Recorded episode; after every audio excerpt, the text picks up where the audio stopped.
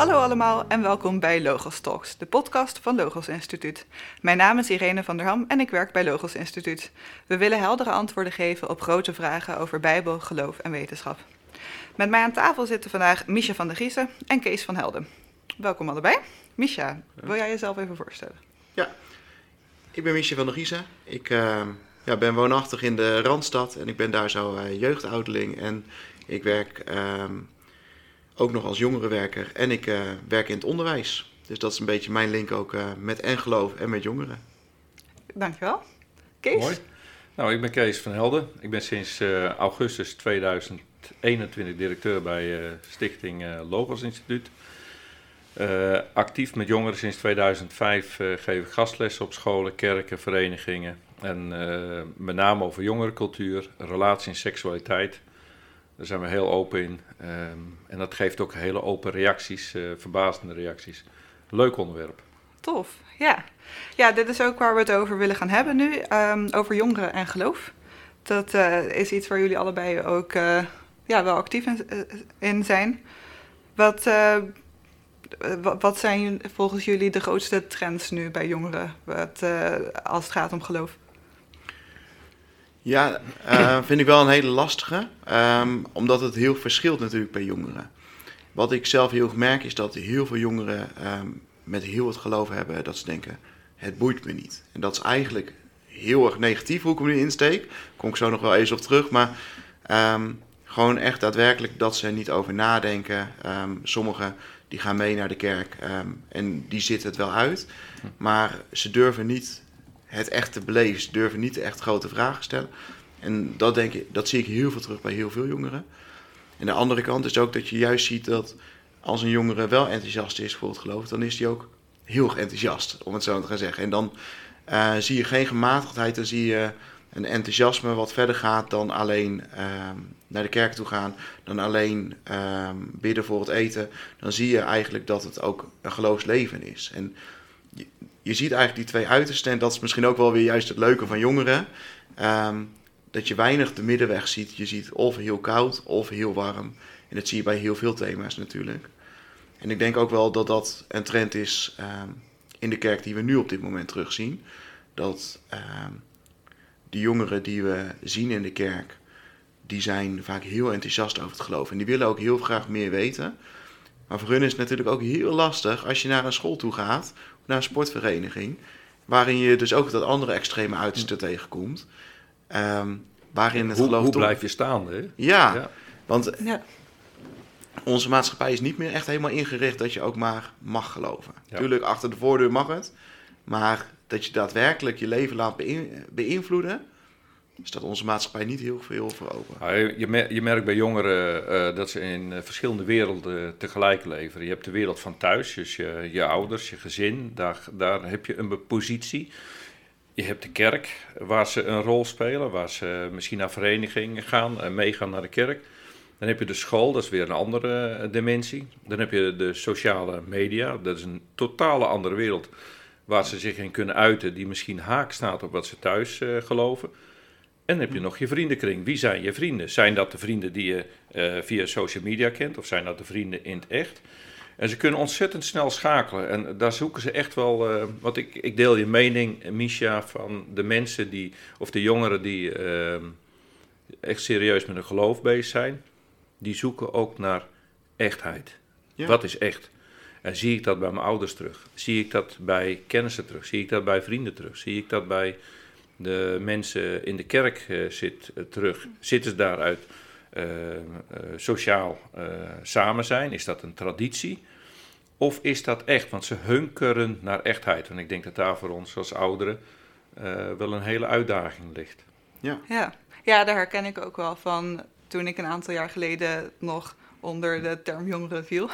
Dat ik uh, uh, ja, echt wel op zoek was naar, um, maar wat is dan het geloof en waarom geloven we? En ik was er aan de ene kant heel erg van overtuigd dat het waar was, maar ik zocht verder dan in alle andere aspecten van het leven moesten dan ook kloppen met elkaar. Hm. En uh, ja, dat, dat is ook een beetje hoe ik bij apologetiek ben terechtgekomen. Dat alles, um, ja, als het geloof dan waar is, dan moet dus de Bijbel ook helemaal waar zijn. En dat moet dus ook betekenen dat dat terug te zien is in de wetenschap en in uh, de historische geschriften en, en al die dingen.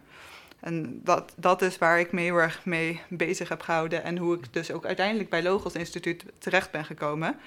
Uh, omdat ik daar ook uh, ja, op dit soort vragen antwoorden vond.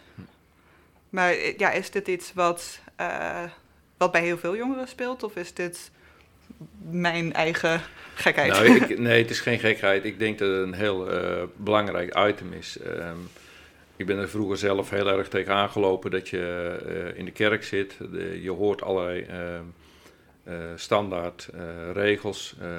en dan is het op zondag geloven. Dit doen we niet op zondag en het door de week. En dan doe je in één keer allerlei andere dingen. Ja. dat ik dacht van, hé, hey, maar hoe kan dat dan? Als het op zondag fout is, dan is het volgens mij door de week ook fout. Dus als het op zondag niet kan, moet het door de week ook niet kunnen. En als je. Um, ik heb al mijn hele leven eigenlijk, uh, voordat ik in, uh, uh, bij stichtingen kwam werken, in het commerciële traject gezeten. En ik heb altijd gezegd: ik raak liever een klant kwijt door eerlijk te zijn, dan dat ik een klant bij heb door iets te vertellen wat niet waar is. Want die klant die heb je maar één keer, want als je erachter komt, uh, dan ben je hem alsnog kwijt en met hem heel veel anderen. Maar ook vanuit mijn geloof gezien, als ik dan uh, in de handel anders werk en ik ben niet eerlijk in wat ik vertel, ja, uh, hoe zit het dan met mijn geloof? Hoe zit het dan, wie, wie, is de Heer Jezus voor mij? Neem ik hem wel serieus of is dat alleen maar iets voor op zondag? Ja. En dat vind ik echt wel een uitdaging. En dat herken ik ook bij jongeren. Dat ja. zie ik ook bij jongeren terug.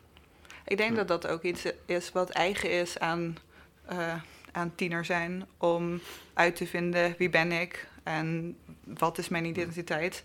En dat dan ook een beetje op verschillende gebieden in je leven uitproberen. Dat je op zondag in de kerk weer een, een ander stukje daarvan onderzoekt dan als je op school met niet-christelijke vrienden praat, bijvoorbeeld. Ja. en ook de hele essentie is dan denk ik wel anders. Um, als jij met je niet-christelijke vrienden praat, is het heel lastig om echt een geloofsgesprek sowieso al te starten. Um, ook omdat ik wel denk, we worden overgooid door informatie die niet per se wat te maken hebben met geloof. Um, als je naar een gemiddelde social media account gaat kijken, dan zul je denk ik uh, nou, tien berichten binnen een minuut uh, zien die niks meer met geloof te maken hebben. En ze kijken niet één minuut op. Dus hoeveel informatie daarbij binnenkomt. En dat is ook allemaal leuk om het over te gaan hebben. En dat is ook waarvoor je jongeren bent, want je bent nieuwsgierig naar zulke soort dingen. Maar je merkt ook dat ze het heel lastig vinden om wat ze op zondag horen, om het zo met even te gaan zeggen, te koppelen aan wat ze op maandag zien. En dat zou eigenlijk voor ons als volwassenen denk ik best wel een uitdaging zijn om um, niet alleen zondag iets te doen met geloof, maar juist ook te laten zien hey, elke dag is het dus waardevol en elke dag uh, kan het ook worden uitgeleefd. En zelfs soms met woorden. Uh, dat was al eventjes eerder vandaag hier zo in ja. dit gezelschap langsgekomen. Ja. Maar juist het hele idee um, dat je het helemaal doorleeft, is denk ik wel heel belangrijk voor een jongere. En dan kan hij het alsnog hebben over de voetbalwedstrijd van gisteravond of um, wat ze maar willen gaan bespreken. Maar wel de manier waarop ze daarmee omgaan, is denk ik al wel heel belangrijk. Ja. Ik weet nog dat onze, een van onze kinderen die uh, kwam van zonderschool terug. Uh, het was een jaar of acht. Toen zei ze tegen mijn vrouw van... Uh, mama, die meester Jaap, dat is echt een kind van de Heer. Hoor. Dat is echt, echt waar. En denk ik, zij heeft iets geproefd bij hem. Wat hij vertelt en hoe dat hij dat vertelt. dat heeft haar geraakt. En dan denk ik, zo moet het eigenlijk zijn. Dat je dat ook proeft en ook ziet. En dat het niet een, een, ja, een, een, een vorm is. Maar eerlijk is eerlijk, uh, we zitten hier ook namens Logos Instituut. Als je ziet over uh, wetenschap en de Bijbel en uh, schepping of evolutie. Nou, dat is een van de grootste dilemma's bij jongeren. als je in de kerk grootgebracht wordt van God heeft de aarde in zes dagen geschapen. En dan kom je op school en dan gaat iemand vertellen dat er een Darwin is geweest. En je zegt, nee joh, dat zijn uh, miljarden jaren geweest. En uh, ja. hoe zit dat dan? Je wil op school niet buiten de boot vallen, want dat speelt natuurlijk ontzettend mee. En je wilt toch thuis mee met de kerk. Nou, de ene groep die haakt af. Die zegt, joh, eh, als de oerknal echt waar is, dan is de Bijbel een sprookje, dan is dat niet waar. Ja. En de andere die gaat zich verdedigen en die, en die loopt vast. Nou, die mensen, die jongeren willen we heel graag tot een hand en een voet zijn. Maar het gevaarlijke vind ik eigenlijk die, de, de, uh, de tussenvorm, de theïstische evolutie. Oh, dat God de aarde met behulp van evolutie geschapen heeft. Want Ja. wat je dan ziet gebeuren bij jongeren is van... hé, hey, ik kan thuis mee met de kerk. Ja, ik zit hier voor de luisteraars thuis allerlei gebaren te maken. Dat ziet u natuurlijk niet, maar... ehm, maar de jongeren kunnen thuis mee eh, met de kerk, want de, geloof toch, het geloof in God blijft bestaan. En ze kunnen op school met de evolutie mee. Maar ja, aan de andere kant, als je de mensen hebt die echt in evolutie geloven, die willen helemaal niets, nul, nul, nada weten van eh, de tussenvorm en de tussenweg. Je loopt ook vast. Dus, maar zijn wij bereid, dat vind ik echt een, een, een vraag voor ons als ouderen, zijn wij bereid om eh, open en eerlijk te zijn naar onze jongeren, hoe wij ermee worstelen en Ja. eh, hoe wij erin vastlopen, hoe wij erin gegroeid zijn. Ja, Kunnen de jongeren ons nog vragen stellen? Durven ze dat nog? Ja. Eh, En durven wij antwoord te geven? ja, dat, eh, dat is een hele goeie. Ja. En daar noem je ook wel iets van, durven ze nog wel vragen te, eh, te geven? Ik eh, sta in mijn eh, omgeving bekend als een zeer koppig persoon. Ehm, maar ik ga wel altijd een gesprek aan en dat weet Ja. ook iedereen. Ehm, en, en soms betekent dat dus ook dat je heel lang moet luisteren naar iets wat je helemaal niet leuk vindt om te horen. Maar wel om dat gesprek aan te gaan. En dat vind ik wel een hele lastige, want wij zijn natuurlijk ook in een cultuur, wij weten het allemaal wel zeker. Ik bedoel, wij zijn oud, eh, de ene iets ouder dan de andere hier aan tafel, maar wij weten het ondertussen wel, we geloven het allemaal wel. En je hoort misschien het ook het stukje sarcasme wel in mijn stem wel. Ehm, terwijl zij nog daadwerkelijk aan het ontdekken zijn. En ze staan ook nog heel erg open voor dingen. En dat is aan één kant natuurlijk een valkuil, de andere kant echt een mogelijkheid ook voor ons. Dat we nou gewoon eens een keertje op een jongerenavond gewoon daadwerkelijk gaan vragen. Maar wat houdt je nou bezig? Hm. Wat zijn nou vragen? En misschien ook gewoon heel eerlijk zijn. Ik heb nu geen antwoord.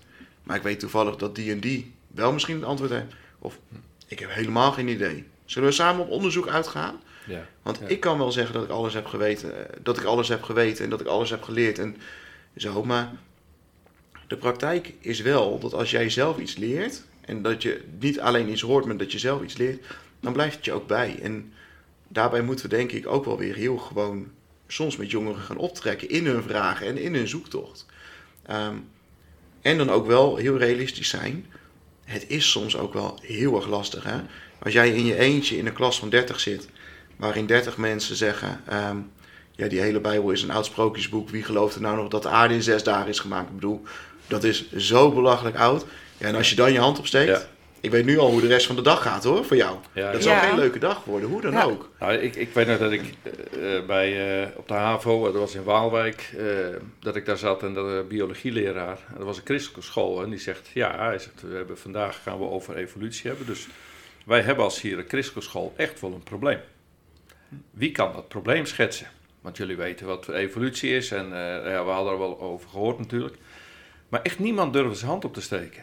Hij zegt, ja, de, de Bijbel heeft het over zes dagen. En de evolutie heeft het over zoveel jaren, miljoenen jaren. Dus waar lopen wij vast? Eh, nou, dan zit je dan als 13, 14-jarige, je durft toch je hand niet op te steken. Ja. En toen kwam hij met de tekst dat duizend jaar als één dag en één dag als duizend jaren. En als ik nou in de klas had gezeten, dan zou ik mijn hand opgestoken hebben en zeggen, meneer, heel leuk dat u dat zegt, maar dan hebben we nog steeds een probleem. Als één dag als duizend jaar is, dan zitten we nog steeds niet aan de miljoenen. Dus u moet de Bijbel echt wel veel geweld aan doen om aan die miljoenen jaren te komen met uw Ja. tekst. Hoe zit dat dan? Maar ja, dat durf je niet als 14-jarige. Eh, Nee. tenminste, ik niet. Nee, en misschien heb je ook wel nul van deze kennis paraat. Hè? Dus zelfs Nee. al zou je durven, dan. Ja. En, en ik denk dus ook dat eh, dat ook in ieder geval moeten meegeven aan jongeren. Van, hey, misschien weet je het gewoon nog eventjes niet. Maar dat, dat kan wel. Exact. Ehm, en, en misschien, ehm, ja, ik zit nu in mijn dertige jaren. Ik denk dat ik heel veel wel zeker weet, maar dat is misschien ook hoe koppig ik ben dat ik dat denk. Maar ik weet ook dat ik heel veel dingen helemaal geen idee van heb. Eh, Maar durf dat nou gewoon eh, eerlijk te zeggen. Ja. Van, eh, eh, we hebben in 2009 eh, in Nederland een folder verspreid in het Darwinjaar over schepping of evolutie. En ehm, wat mij toen op is gevallen, ik was toen woordvoerder van die campagne. Ik heb wel 150 interviews gedaan in drie weken tijd. Dat was enorm veel. En, eh, maar de mensen die niet geloven, verwachten van jou als christen dat je echt overal een antwoord op hebt. Dat Ja. jij weet hoe het zit. En er waren echt verbaasd eh, dat ik eh, dan wel eens zei: jongens, jullie vragen het mij. Ik weet dat gewoon niet. Ik weet het echt niet. En, eh, Ja, ja, inderdaad. Ik merkte dat ook op de universiteit toen, ehm, als mensen er dan achter kwamen dat ik christen ben. En dat ze dan vroegen van, ja, maar je studeert toch aan de universiteit? Dat, eh, dat, dat kan toch niet dat je dan gelooft en dat je dan ook ehm, ja, echt jezelf moet gaan verdedigen. En als je dan op bepaalde vragen geen antwoord hebt, dat dat eh, echt heel erg lastig is om daar dan eh, ja, zonder kleren scheuren vanaf te komen. Ja, Dat, zoek, eh, dan, zoek dan en bereid je dan voor. En ehm, ja, ik denk dat we dat bij Logos Instituut op een eh, mooie manier oppakken. Met eh, verdiepende artikelen. Ook eenvoudige artikelen. Gewoon een stukje ehm, eh, kennis meegeven van jongens, dit is er. En als je vragen hebt, zeg het maar rustig op school. Jongens, ik heb er geen antwoord op, maar ik wil er wel naar kijken. En ga maar Ja. zoeken. Er zijn best antwoorden te vinden. En dat hebben we niet alleen op dit vlak, maar ik geef, eh, heb ontzettend veel gastlessen gegeven over relaties en seksualiteit. Dat is ook zo'n onderwerp. Dat, ga eens vertellen als ouders eh, hoe het zit en hoe het werkt en hoe jouw gevoelens werken. Dan is het net alsof je de slaapkamerdeur openzet en tegen de kinderen kijk maar even mee. Nou, dat, dat doe je niet. Ja, Maar als je op zo'n lezing bent en je bent met jongeren in gesprek en je vertelt iets open, eh, hoe het werkt en hoe het met een stukje pornografie zit en hoe jij ermee om ben- bent gegaan of bent vastgelopen zelfs. Nou, mijn vrouw en ik doen dat samen en we hebben eh, afgesproken, wij gaan niet naar huis voor de laatste jongere zijn vraag gesteld heeft. Want wanneer krijgen ze weer de moed en de, het, het lef om die ene vraag te stellen van, ja, ik ben ook vastgelopen. Hoe ga ik er dan mee om? Hoe bent u ermee omgegaan? ja. En dan moet je wel eens heel ver gaan. En, eh, en denk, ze zijn me te kostbaar, de jongeren, om het niet te vertellen uit schaamte. Want als je ze over tien jaar tegenkomt en je ziet ze helemaal de vernielingen gaan, dan denk ik, ik had ze het kunnen vertellen, maar ik durfde niet. ja. Maar- Ik, ik denk dat we vaak bang zijn. Bang om te veel van onszelf bloot te geven, om onze eigen twijfels bloot te leggen. En eh, dat, ja, om, om erachter te komen als we, dat we zelf misschien helemaal niet zo sterk staan als dat we eh, zouden willen. En als er dan kritische vragen worden gesteld, ook van echt geïnteresseerde jongeren, dat je dan ook bang bent om ze. ehm, dat je die vragen niet weg kan nemen. En dat je die twijfels niet weg kan nemen. En dat is gewoon iets best wel spannends. En dan Ja. is het soms makkelijker om het er maar niet over te hebben.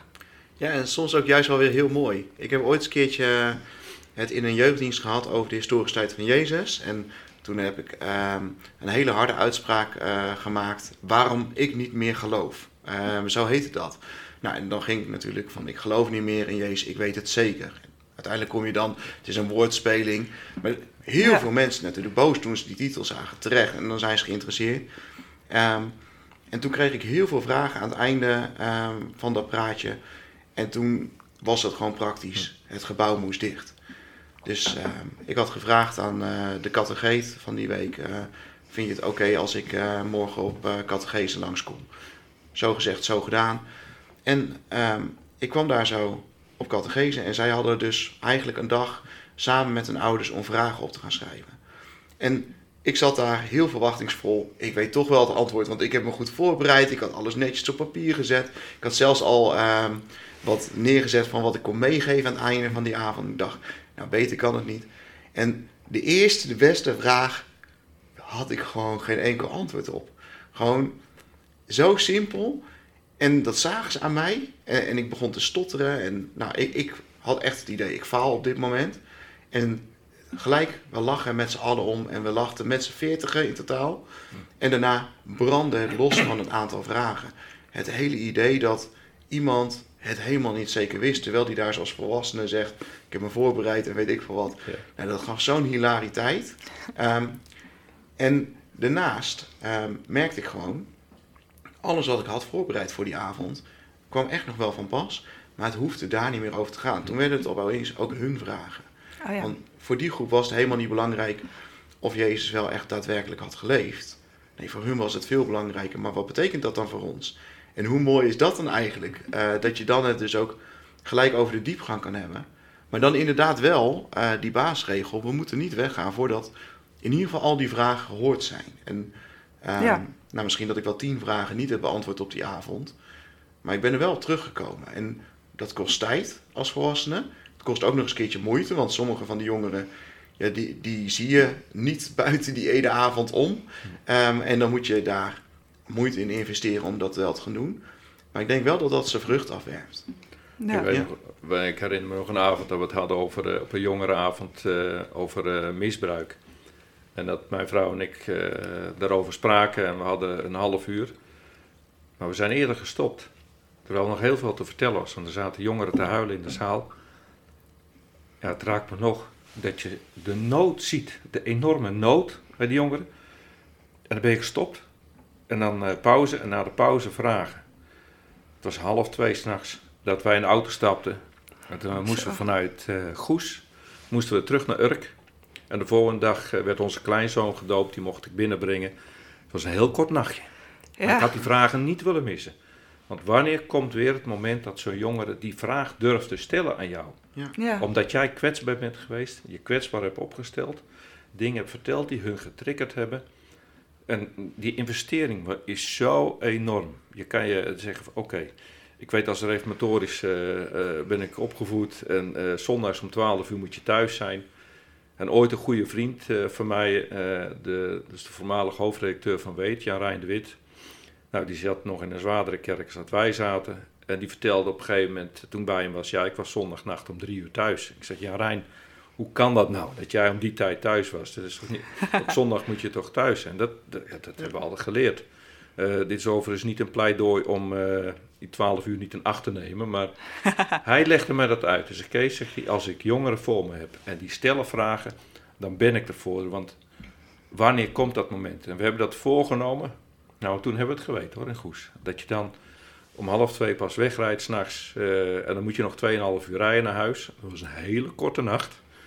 Maar voor geen goud zou ik het hebben gemist. Mooi. Ja. ja. ja.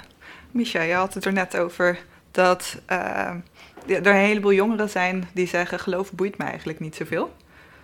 Wat, wat kun je tegen hen zeggen om ze toch te bereiken en om ze toch te betrekken bij het geloof? Ja. Ik ben iemand die heel houdt van de verwondering. Ik kan, um, als ik in het bos loop, kan ik me verwonderen. Als ik uh, bij de zee loop, kan ik me verwonderen. Als ik een mooi boek lees, uh, kan ik me verwonderen. En ik denk dat dat echt aangewakkerd moet worden. Niet alleen bij onze jongeren, maar wel in onze cultuur.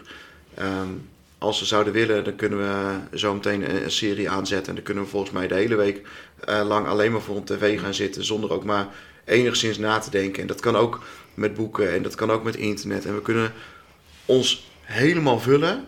Zonder dat we ook maar hoeven te vervelen. Of ook maar hoeven na te denken, waarmee vul ik me eigenlijk? Terwijl als je gaat nadenken over hoe mooi God de aarde heeft gemaakt. Hoeveel zorg hij daarin heeft.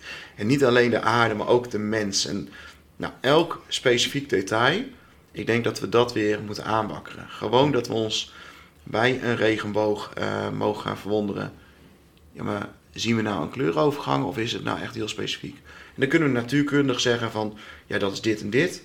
Ook leuk, maar gewoon er weer eens een keertje naar kijken. Ik ben... Uh, laatst dat ik met mijn dochter in de auto reed. En uh, het werd al vroeg donker, want uh, het is winter in de tijd dat we dit opnemen.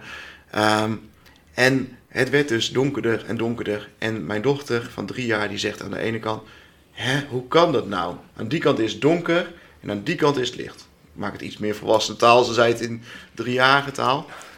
En ik heb toen de, gewoon de auto langs de weg gezet. En ik dacht, hoe mooi is het dat we ons kunnen gaan verwonderen dat de ene kant donker is en de andere kant licht. Ik ben het gewoon gaan hebben over kleuren.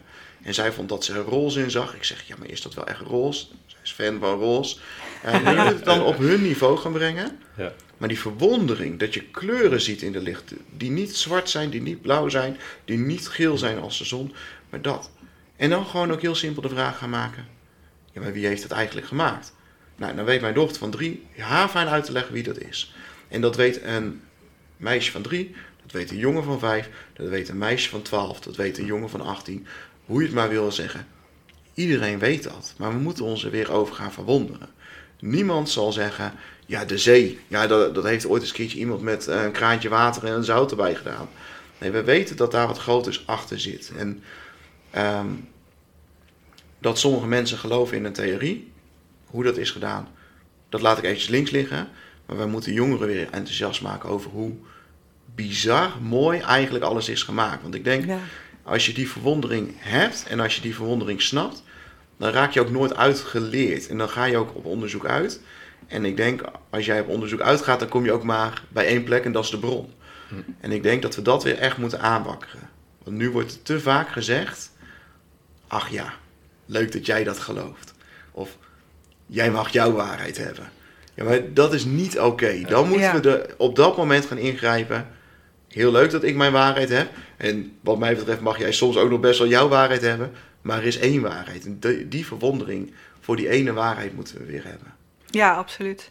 Ja, ik heb biologie gestudeerd en een van de dingen die me het meest motiveerde in mijn studie was elke keer die verwondering over hoe mooi alles in elkaar zit. Hoe verder je inzoomt in de biologie, hoe duidelijker het wordt, hoe perfect alles samenwerkt en, en is opgebouwd. En eh, Ja. dat, ja, de, die verwondering, verwondering over de schepper, die wordt alleen maar groter dan. Dat is echt iets heel speciaals. Ja, Ja, Ja. mooi. Je zit zo te vertellen. en, eh, die verwondering, iets, iets wat mij in de natuur altijd ontzettend verwonderd heeft, is die rups. En dan denk ik, ik, ik kan het nog steeds niet begrijpen. Ik heb biologie gehad ook. En ehm, dat zo'n rups eh, verpopt en er komt een vlinder uit. Wat is daar in die rups gebeurd? Hoe kan dat nou? Eh, Ja. Hoe is dat nou echt mogelijk dat je van eh, een, een kruipend iets verpopt en er komt een totaal ander dier uit? Want Ja. zo is het eigenlijk. Ja. Die, ik, ik, ik snap het niet. En eh, dat kan je technisch niet uitleggen. Dat kan alleen in verwondering. Een heel mooi linkje trouwens. Hè. Eh, als je dat ziet naar de mens, als je weet, eh, uit genade mag weten wie de Heer Jezus is voor jou, Ja. on- ontstaat er ook nieuw leven. Ontstaat er ook een, het oude doe je af, dat leg je af. Zo is die rups, het verpopt, het is weg en er staat iets schitterends nieuws uit, volmaakt in Jezus Christus. Ik vind het een geweldig beeld. Ja. Maar die verwondering, ik denk Misha dat je een punt hebt. Daar moeten we naar terug. En leg het maar uit. Bespreek het maar. Ja. En, en benoem het maar, hoe mooi het is. En eh, vanmorgen reed ik hier naartoe. En voordat ik eh, natuurlijk, de, je doet de gordijnen open, de zon komt op. Je ziet een eh, geweldig mooie lucht bij ons over Urk heen. We wonen naast een weiland. En als je naar kijkt, dit, zo geweldig mooi, dan denk ik, oké heren, u laat iets van uw schoonheid zien. Ja. Maar zien we dat nog? Zien we dat nog? En durven we het ook te vertellen? Vertel het maar gewoon in de auto als iets normaals van wat God gemaakt heeft. Ja. En dan geef het onbewust, geef het ook gewoon mee. Ja, absoluut. Ja, En ik denk wel, bij, bij een kind gaat dat heel natuurlijk. Hè? Een kind verwondert zich over alles, want alles is nog nieuw. En naarmate ze ouder worden, krijgen ze ook steeds meer informatie mee. Dat is goed, hè? dat heet onderwijs. Eh, maar ik denk wel dat we die verwondering moeten blijven voeden. En dat kan door de natuur, maar het kan ook door heel veel andere dingen. En dat vind ik wel soms een uitdaging, want ze, iedereen stopt zich vol met informatie. En ik heb geen idee eh, met welke informatie jij al vandaag tot je hebt genomen of welke informatie jij. Maar ik weet wel dat je informatie tot je hebt genomen. Ja. Ehm, en eigenlijk moeten we een link zien te krijgen van hoe krijgen we ook daarmee wel weer die verwondering. En soms is dat heel moeilijk zoeken. eh, maar ik denk wel altijd dat er een link is. En ik denk dat het goed is om wel ook te gaan kijken van hoe kun je aansluiten bij hun leefwereld. Eh, en dat wil niet zeggen dat je daar moet gaan stoppen. Nee, maar, Maar- toon wel interesse. Ja, toon en- interesse. Weet waar ze mee bezighouden. Weet wat, ze, wat voor vragen ze leven. Stel die vragen. Neem de tijd. eh, neem de tijd voor je kinderen. Eh, als ze thuiskomen uit Ja. school. eh, en ze, ze hebben vragen. Leg die krant weg. Of eh, nou ja, als Ja. je nog een krant hebt. Maar leg in ieder geval die telefoon uit je handen. En, en eh, zorg dat je tijd hebt voor vragen. Want als ze vragen hebben en je hebt ze niet, of je geeft ze niet, of je hebt de tijd niet, die Ja. antwoorden gaan ze zoeken. En dan maakt het wel een heel groot verschil waar ze die antwoorden gaan zoeken, ja of nee. Ja. ja. Dus ehm, we moeten het niet te veel aan de ander overlaten, maar investeren in die tijd. Ja, Ja, nou, en precies. daar noem je een hele goede. in het onderwijs is dat natuurlijk al een basisregel. Hè, dat bij het stukje uitleg moet je gewoon echt je aandacht erbij hebben. Dat betekent wel, je hebt een bepaalde aandachtspannen. Maar dat, dat kunnen we redelijk wetenschappelijk neerzetten. Maar opvoeding gaat daarin nog veel verder. En dat vind ik niet eens alleen een taak van de ouders, maar dat vind ik ook een taak van de gemeente. Dat we echt aandacht hebben voor die vragen die ze hebben en daar dan ook echt tijd voor nemen. En desnoods dat je zegt als leiding van een uh, club die je hebt, wij hebben gewoon onze telefoon niet mee. Of dat is misschien wel een hele ja. moeilijke om zo te gaan zeggen. Um, maar ik denk wel dat we dat soms moeten gaan doen. En hou nou ook je ogen open, juist voor die kleine dingetjes. Want soms durven ze niet de vraag te stellen. Maar dan kun je het zien in de blik, want ze hebben iets. Maar ja, ja, ik zou toch niet die 14-jarige zijn die wel als enige zijn handje omhoog steekt. Nee, precies. En, en, sommige onderwerpen is het, uh, uh, als je kijkt naar scholen en kerk. Ik ben echt al begonnen met Weet Magazine. Op de, op de wegwijsbeurs was dat toen de tijd nog. En dat we daar de eerste Weet Magazine uitdeelden en een gesprek aanging. Er zat een hele uh, restaurantafdeling en daar gingen we gewoon langs. Dan legden ze op tafel en dan knoop je gesprek ja. aan.